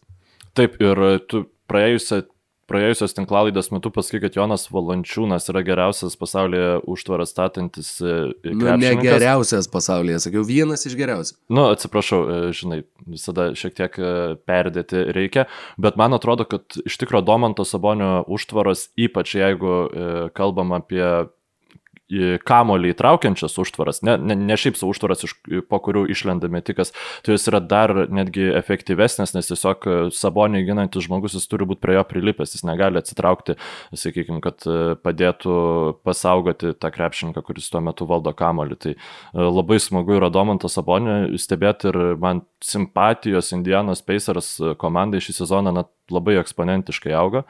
Aš labai norėčiau, kad jie kažkaip susijimtų ir nepaleistų tų rungtynių būtent pabaigose, nes tikrai na, neatspindi to realaus pasirodymo, ta siaubinga mm. šešių pralaimėjimų namuose serija. Kažkaip mm. tai, tai tikrai dėl, dėl to ir e, ką norėjau pasakyti, kad Sabonis yra toks stebėtinai vikrus, kad man atrodo jis net galėtų e, ir ketvirtų numerių, tai tikrai žais, bet net ir tam tikrose situacijose prieš specifines komandas, ale Philadelphia 76ers jis galėtų ir Tobiasą Harrisą ginti. Ir, ja, sakykime, ja. jeigu Žuelis Embidas būtų... Kiek tai būtų labai gerai, tačiau tai nebūtų atkarp, tragedija. Atkarpomis, ja. atkarpomis. Na, aš tiesiog prisimenu prieš Pacers, kai Toronto Raptors pastatė į Baką, Gazolį, Leonardą, Siekamą ir Kailą Laurį vienam penketą, žinai. Ir taip sustabdė Žuelį Butlerį ir Žuelį Embidą tose rungtynėse. Taip Tiesiog e, tų variacijų reikia ir prie tų variacijų labai prisidėtų tas čia, Džavelas Magiai arba kitas e, mhm. kompetitingas atsarginis centras. Ir man tiesiog e, labai noriu, kad tai įvyktų. Nes tikrai su Turnerio išsibaudavimo problemomis, su, su Sabonio problemomis ginantis po krepšiu, na, reikia. Reikia dar vieno žmogaus ir, sakykime, tos problemos gali galbūt net ir susiklijuoti, nedarant kažkokių transcendencinių reformų komandai. Kalbant apie uh, tas statomas užtvaras ir tuo pačiu kalbant apie mobilumą gynyboje, aš norėčiau dar trumpam persikelti ir į Memphį, kad ir kaip tai skambėtų galbūt kažkam tai keistai šiuo metu.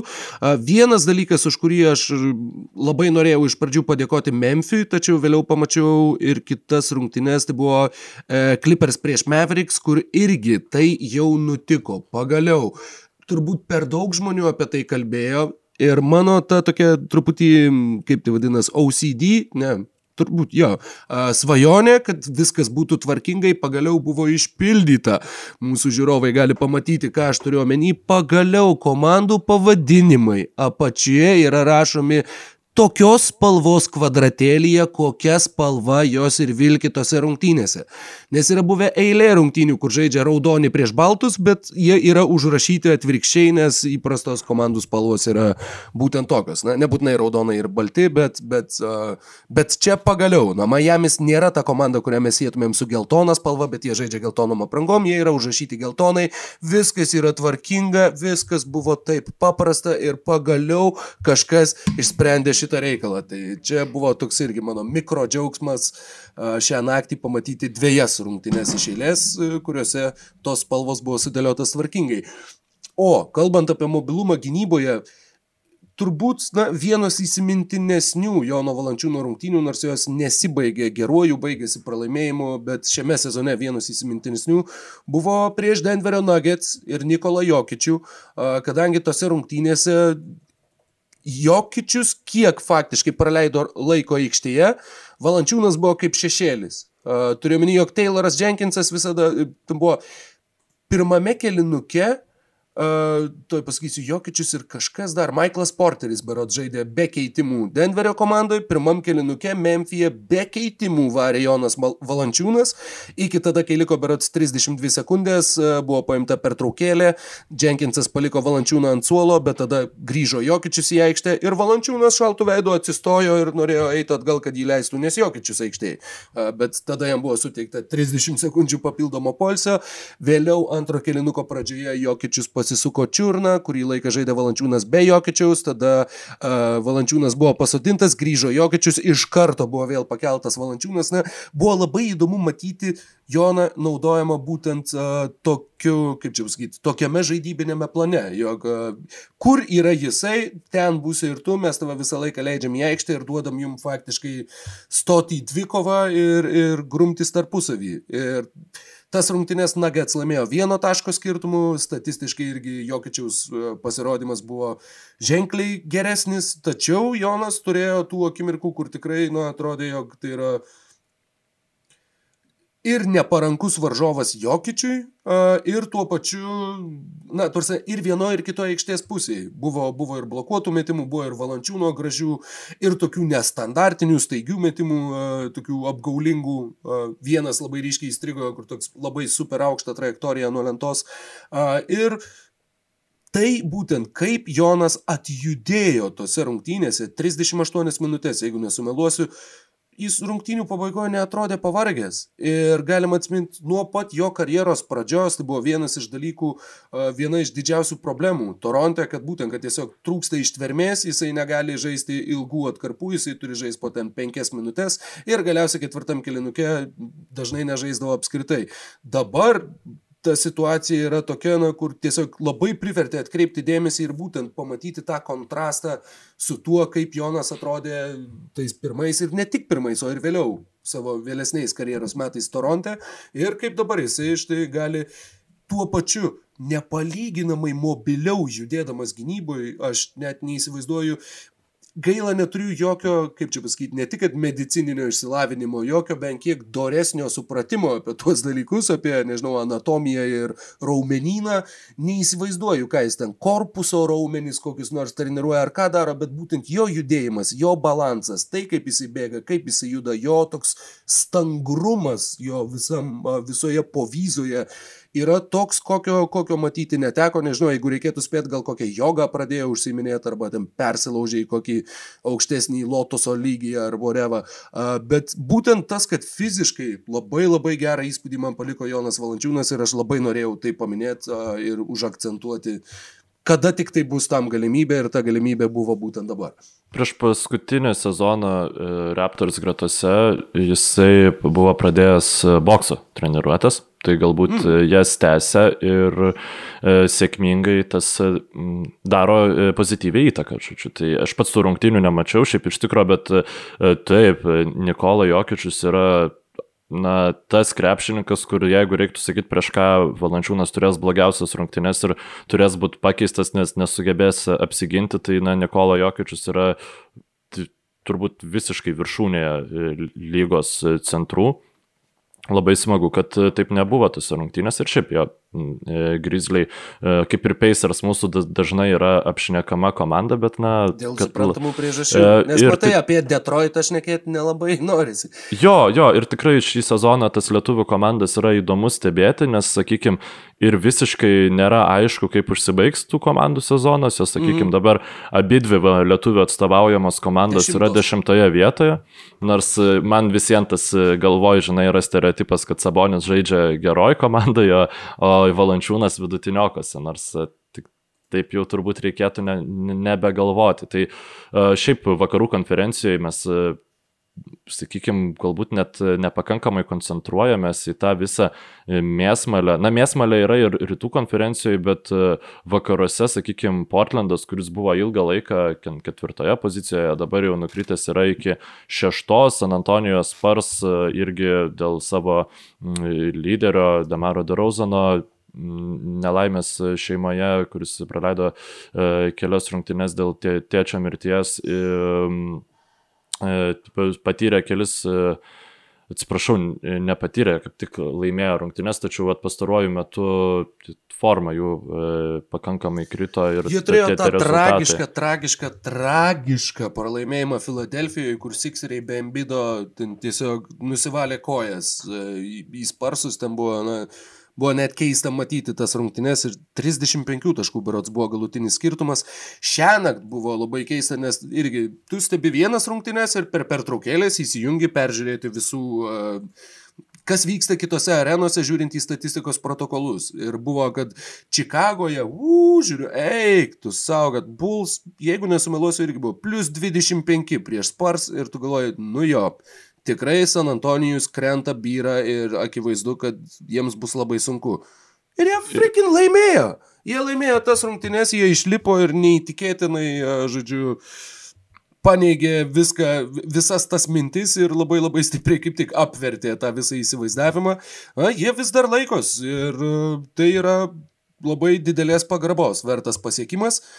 E, beje, paminėjai tai, jog e, labai įdomu šiame sezone yra stebėti lietuviškas komandas. Šiame sezone bus dar irgi, e, šiame sezone, net ir šį savaitgalį laukia labai labai įdomios e, va, tos dvidienės rungtynės. Indiana, kaip sakiau, žaidžia Miami'e penktadienį, šeštadienį, o Grizzly namuose dvi dienas iš eilės žaidžia su Golden State Warriors. Penktadienį, šeštadienį. Warriors yra vienu laipteliu aukščiau negu Memphis ir Memphijui tos, na, negalim sakyti, kad tos dviejos rungtynės arba iškels, arba sulaužys sezoną, bet tai yra labai labai svarbus mačai jiems ir tuo pačiu labai svarbus mačai Warriors. Ir bus tai tikrai labai labai įdomu, stengsiuosi tikrai pažiūrėti bent vieną iš tų dvikovų. Kadangi ten taip pat bus labai įdomu matyti, kaip atrodys vaizdas aikštėje. Plus Jonui Valančiūnui Golden State Warriors tikrai nėra parankus varžovas. Jeigu nesumeluosiu, tuoj pat dar patikrinsiu, berots tai yra komanda, prieš kurią jis renka mažiausiai taškų vidutiniškai savo karjeroj. Bet kalbant apie vakarų konferencijos lenktynės, sakau, ši, šitas savaitgalis ir šitos dviejatainės rungtynės bus tikrai, tikrai labai įdomios ir labai potencialiai galinčios labai daug nulemti šitų dviejų komandų sezonuose.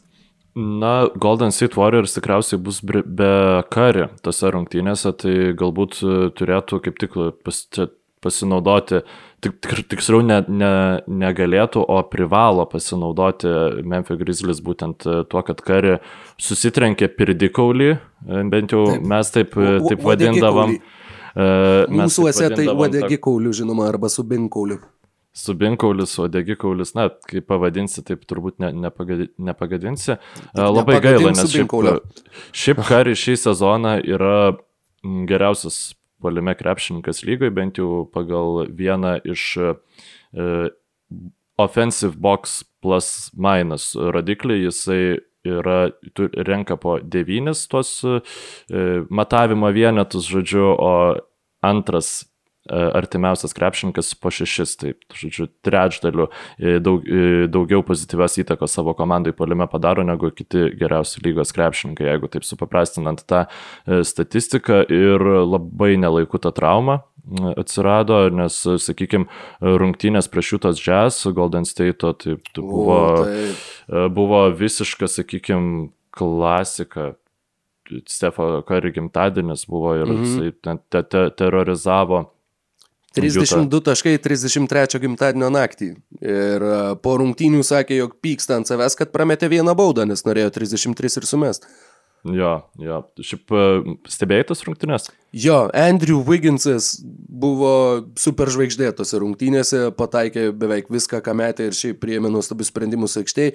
Dreymondas Grinas buvo su trigubu dubliu, uh, Pala, jie šią naktį taip pat žaidė, ar ne? Ir man atrodo, taip, ir jie kad... laimėjo prieš Houstoną. Ir Dreymondas surinko trigubą dublį, ne? Um, Man atrodo, kad taip aš taip pat atsidarysiu, pasakysiu per sekundę. Taip, surinko, vadinasi, tai buvo 27 Dreymondo Grino karjeros trigubas dublis. Warriors tose rungtynėse yra laimėję 26 kartus ir pralošę tik tai vieną sykį. Uh, tad tai taip pat ir signalizuojanti mm, Dreymondo vertę komandai e, statistikos tokia detalė ir tuo pačiu ir šiaip visai įspūdingas smagus skaičius, e, priverčiantis taip pagalvoti ir pakraipyti galvą ir pasakyti, oho.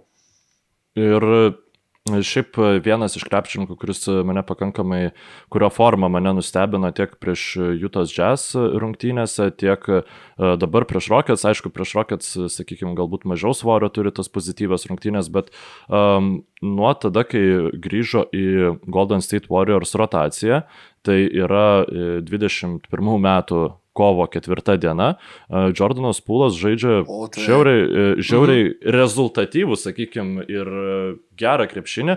Ir labai smagu, kad tie metai kančios, kur buvo praėjusi sezoną ir, sakykime, ir šis sezonas toksai, nei čia, nei ten e, Golden State Warriors, Warriors fanams, na bent vieną gerą rotacijos krepšininką išsiugdė Jordanas Pūlas prieš jutą sakykime, labai laiku, jo, kuomet, jo. kuomet Kari nežaidė, būtent jisai e, palaikė Golden State Warriors ir komandą. Ir Pūlas, ir Weizmanas sužaidė labai geras rungtynės, ir Niko Menionas gerai atrodė, kuris beje tą pačią dieną šventė gimtadienį ir visi tą ignoravo, nes kam įdomu Niko Menionas, kai Kario gimtadienis. Uh, ir ja, geras. E Erikas Paskalis pataikė e, svarbių tritaškių ketvirtam kilinukė, tad daug kas iš tų, tų antraplanių žaidėjų tikrai gerai atrodė Warriors komandai. Jie prieš tai buvo patyrę kažkokį labai skaudų pralaimėjimą, dabar nebeatsimenu prieš ką, bet kažkas juos buvo skaudžiai atlupę ir jie išėjo žaisti prieš geriausią lygos komandą ir sugebėjo parodyti, kad štai jie gali laimėti. Beje, kalbant būtent apie tas rungtynes, čia yra pakankamai realiai atkrintamųjų varžybų pora. Ir jeigu tai būtų atkrintamųjų varžybų para, pirma prieš aštuntą arba antra prieš septintą, tai būtų daug artimesnė serija, negu kad e, atstumas tarp komandų turnyro lentelėje galėtų indikuoti. Na, tose rungtynėse tai atrodo, kad laimėtų Warriors.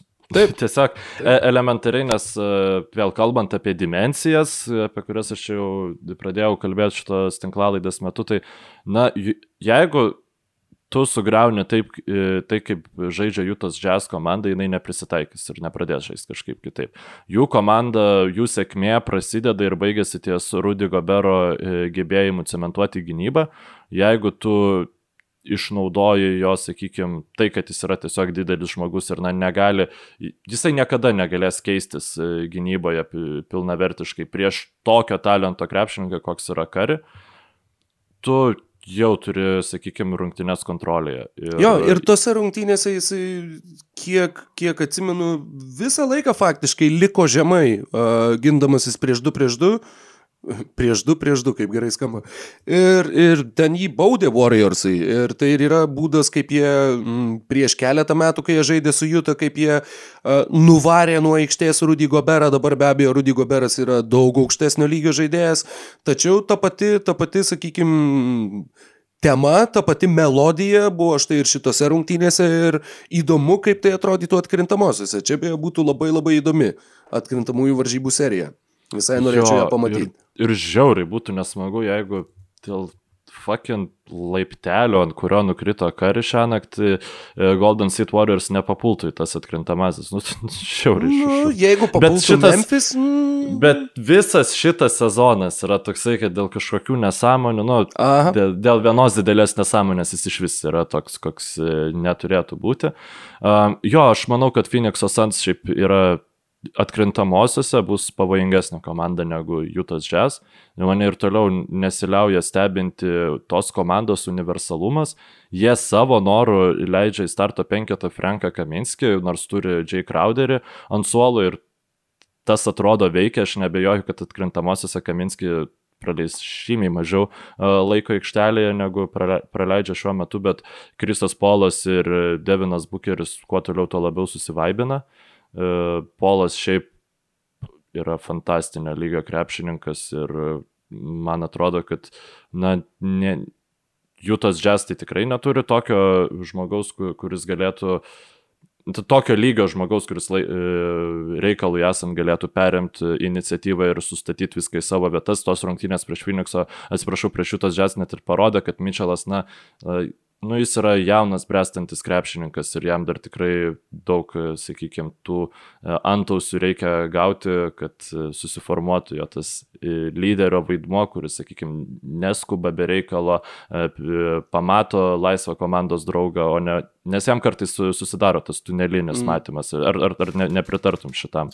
Pritarčiau, pritarčiau ir dar papildyti norėjau prie Kriso Polo, kad per pastaruosius dešimt metų jo atstovaujama komanda vieną kartą neturėjo top 10 puolimo. Tai pernai Oklahomui. O šiaip jeigu tu turi Krisą Polą, tu turi faktiškai garantuotą top 10 puolimo lygoj, kai tuo pačiu yra ir gynyboje labai labai naudingas ir labai stiprus krepšininkas, netgi ir sulaukus tokio amžiaus.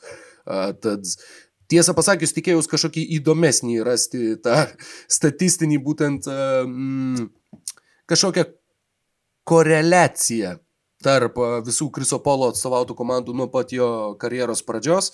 Tačiau būtent va šitas na, iškalbingiausias iš visų statistinių komandinių rodiklių buvo tai, kad uh, top 10 polimas 9 kartus per pastarosius 10 metų. E, per pastarosius 10 rungtynių e, Sans pralaimėjo dviejas, Tai yra vienas geriausių rezultatų lygoje, kartu su Denverio Nuggets jie pirmauja pagal šitą atkarpą vakarų konferencijai. Rytuose Sixers ir Heat turi tą pačią sėkmingą atkarpą, o Brooklyno Nets ir Milwaukee Bucks per pastarasis dešimt rungtynių pralaimėjo tik vieną kartą. Ir vienintelis Sans rungtynės, kurias aš žiūrėjau iš tų pastarųjų dešimties, buvo pralaimėjimas prieš Indianos Pacers. Žodžiu, bet... Tai blogas ženklas jiems. Jo, jo, jo, aš Na, nebent jeigu žaidžia Sansai prieš Pelikans, tai tada jos sutriuškina, kai aš žiūriu. Bet e, man labai, mane labai nustebino Dandre Eitono gebėjimas gintis prieš Domantą Sabonį, nes e, dar, sakykime, praėjusiais metais jisai e, Sabonis tikrai būtų tokios formos Sabonis būtų naikinęs Eitoną kiekvienoj atakoj. Negaliu sakyti, kad nesužaidė gerų rungtynių, Domantas Sabonis e, tikrai buvo vienas geriausių Pacers krepšininkų, kaip ir kiekvieną mielą dieną šį sezoną, bet e, e, tose atkarpose, kuomet, sakykime, Pacers įmesdavo kamolį Domantui prieš Deandre Eitoną, jam reikėdavo pavargti pavargti žymiai labiau, kad tuos taškus pelnytų. Ir net, sakykime, žaidimo 2 prieš 2 metu Eitonas tikrai sėkmingai gaudosi. Ir buvo vienas momentas, tik tai neatsimenu būtent kas puolė tuo metu, bet ne, tokį metę Alejupą ir toks vaizdas, kad Indianos Pacers pick and rollo metu bandė užmesti Alejupą ir toks vaizdas, kad Eitonas tik tai to ir belaukia, paėmė, sugavo kamoliu, tai yra gynybiniai instinktai, kuriuo Eitonas atrodė, kad neturi ir aš kaip ir tau. Sakyti... Atrodė, kad niekada neturės netgi. Taip, Pirmame sezone jisai beviltiškai plaukėjo, o dabar tai man labai patiko Kriso Polo citata, jog kai jisai išnekėjo su Monty Williamsu, kai išnekėjo su Willy Greenu, jis turbūt irgi yra Phoenix'o trenerių štabe, nu, taip spėčiau. Uh, jie sakė, kad, uh, ne, sakė, jie, tai, ką mes turim čia, žodžiu, atvykstant Krisupolui, sakė, mes turim darbo komanda. Mes turim komandą, kur nors jie visi yra jauni, bet jie žiauriai nori dirbti ir jie labai labai teisingai dirba. Ir pats Krisas Polas sakė kažkaip, kad aš pašnekėjęs supratau, kad dar pridėjus vat, mane ir Jay Crowderį, mes juos galim dar pakreipti irgi teisingą kryptimį ir kad e, mes galim būti labai labai gera komanda. Ir e, labai džiugu už Phoenixą, tikrai po labai ilgos pertraukos jie turi būti atkrintamosiose, mano manimu taip pat. O, Sansai šimtų procentų jie bus ir aš manau, jie... Pri... Manau, kad ir pirmą randą, žinok, praeis. Na, nu, žinai, Aišku... kalbant apie atkrintamasis ir Krisą Polą, niekada negali būti garantuotas. Ai, nu, okei, okay, okei. Okay. Taip, tiesa, tai yra liū, liūdna tiesa. Ir tada užbaigiant, gerai, gerai, prisipažinsiu, Rokas ką tik susiojo, nes tiesiog... Labai ačiū, bičiuli. E, taip, užbaigiant. Tai yra tai, ką turėjo žinoti Lietuva. šitą užbaigiant mūsų tinklalaidą, e, norėčiau na, tiesiog dar sėki pabrėžti Pelikans sugebė. Jeigu e, Pacer sugeba prarasti laimėtas rungtynes, tai na, visiškai man nieko keisto, kad e, kuomet liko 7 sekundės, e, Detro, naujo Rano Pelikans pirmauja trim taškais prieš Portlando Trailblazers, turi kamolį. Ingramas prameta dvi baudas. Tada, žodžiu, viską daro teisingai. Susibaudoja prieš Damieną Lillardą. E, vietoj to, kad praleistų garantuotą tritaškį nuo jo, leidžia jam mes dvi baudas. Jis jas pataiko. Ir tada, aišku, praranda kamolį ir išsimesdami ir pralaimi rungtynės. Tai man atrodo, tokių rungtynių, na, Portlandas tai laimėjo šį sezoną gal jau ketvirtas mm -hmm. rungtynės panašių stilium. Pelikans irgi pralašė tikrai ne, ne, ne pirmą kartą, man atrodo, tai buvo 11 e, rungtynės, kurias Pelikans pralaimėjo turėdami 15 taškų ir didesnę persvarą. Kažkas tokio. O. Atsiprašau, tiksliai neatsimenu, bet na, tai buvo didelis skaičius.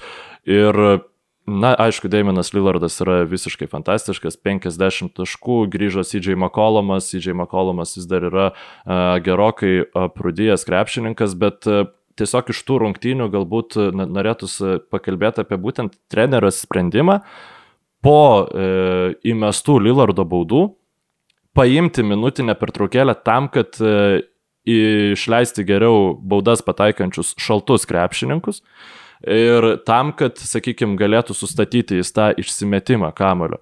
Kaip tu manai, ar nėra geriau tiesiog, e, kuomet e, greitai išsimesti kamolį, nes tada nespėja ir gynybos susistatyti e, priešininkų komandą.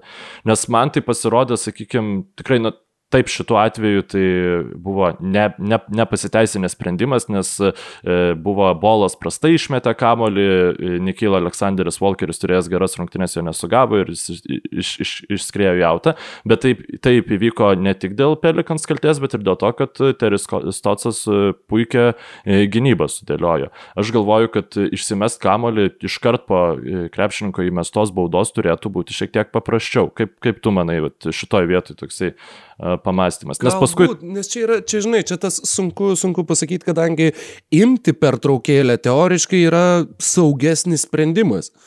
Bet e, praktiškai, būtent kai kuriuose vietose turbūt gal net ir labiau apsimoka rizikuoti ir tiesiog e, sužaisti greičiau ir e, bandyti tokiu būdu taip pat priversti varžovus prasižengti ar, ar na, taip, ir tiesiog neprarasti kamulio. Uh, tad nežinau, ar čia yra kažkoks vienareikšmiškas atsakymas.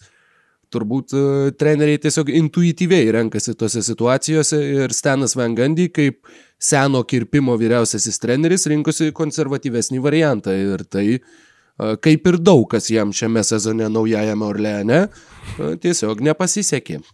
Nes tiesiog, jeigu nepavyksta išsimest kamulio per pirmas keturias sekundės, tu visada gali paimti tą laisvą minutinę pertraukėlę. Man tai tiesiog indikuoja, kad nepasitikė savo krepšininkų sprendimais uh, Vangandi. Nes tiesiog jis, na, netikėjo, kad neišmes kamulio į dausas. Ir jeigu negalės išsimes kamulio tvarkingai, tada paims minutinę pertraukėlę tas krepšininkas, kuriam e, nepavyksta to padaryti.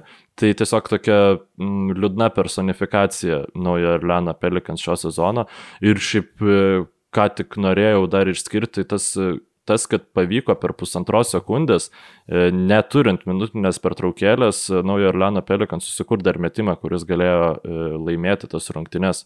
Nes Lonzo Bolas išsimetinėjo kamolį po pataikytų baudų Dameno Lillardo ir na, jie atidavė puikiausiai jau kitoje aikštės pusėje buvusiam Zionui Williamsonui, kuris tose rungtynėse na, ne, nebuvo taip, kad pelnytų daug taškų, bet kai tik jis pasimdavo kamelį, Robertas Covingtonas liko likdavo šlapoje vietoje, jis paprai taip staigiai prajudėdavo, nes sunku, sunku patikėti, kad Zionas yra tokio stoto krepšininkas ir taip staigiai judantis. Ir uh, jisai susikūrė gerą metimą, kuris kokį galima sukurti per tą tiek trumpai laiko, tačiau jisai net neįkrito. Būtų labai, uh, manau, geras highlightas buvęs. Gaila, kad, na, Pelikans, aš manau, jau garantuotai nepapuls nei į atkrintamasis, nei į įkrintamasis. Šį sezoną jau jam galima kaip ir nurašyti, bet, na, kas, kas yra smagu, kad Zajonas šiaip atrodo labai saugo save, labai plastiškai juda ir net norėtų atrodo, kad jisai, kai, sakykime, net ir nusileidžia padėjimo, jis taip gerai sugeria, paskirsto tą kūno svorį, kad ne, ne, nesugeneruoja ten jokio garso. Nežinau, mano kaimynas tikrai garsiau vaikšto negu Zajonas Williamsonas bėgioja, nors metimą taip atrodo. Tai labai, labai sveikintinas požiūris į savo kūną. Džiugu girdėti su šia, su šia džiugia gaida, manau, kad ir pasistengsime ir jum perduoti kiek daugiau to džiugesio visai šitai artėjančiai savaitai, kadangi po savaitės neabejoju, jog nežinom kurią dieną, tačiau tikrai vienai par kitaip su jumis taip pat susiklausysime iš kitos ekrano pusės ar iš kitos ausinių pusės, priklausomai nuo to, kokį formatą renkatės. Uh, Ar dar kažką tai mes norime pridėti Mykolai prie šios tinklalaidės finišo tiesiosios? Tai jau viską pridėsim patronų klausimų ir atsakymų podcast'e. Tiesą sakant, nežinau, ar tas podcast'as bus viešas, kaip būna įprastai, ar jisai bus jau skirtas grinai patronams. Tai jeigu savaitgalį jo nepamatysit, tai žinokit, kad vis dėlto jis šį kartą buvo grinai patronams. Vis dėlto reikia tapti patronu, jeigu taip, nepamatysit per savaitgalį. Jo, taip. E, jau išėjo Roko netaktiškai e, nuostabių atsiliepimų susilaukęs e, Karolio Tiškevičiaus ir Rokojo Grajausko dviejų su pusę valandos, kuris iš tikrųjų truko 3,5 valandos projektas. Ne, ne. Beje, juokingiausia, kad ne, iš jo buvo iškirpta tik ar 12 minučių berots. Mm, okay, kaip Karolis okay. sakė, taip kad jo, jo, tam buvo ne, ne tiek ir daug iškarpyta, bet... Au, au, au, mėšlungis, mėšlungis, mėšlungis. Tai, tai tas smaga greita. Ženklas, jo, au, labai, labai čia jau nesmagi gaida, o gaidis smaga. Au. Uh, taip, Gerai, viskas įjungia lauk. Jo, uh, gero, gero, visako, gero savaitgalio. Ir būkite sveiki, būkite protingi ir laimingai.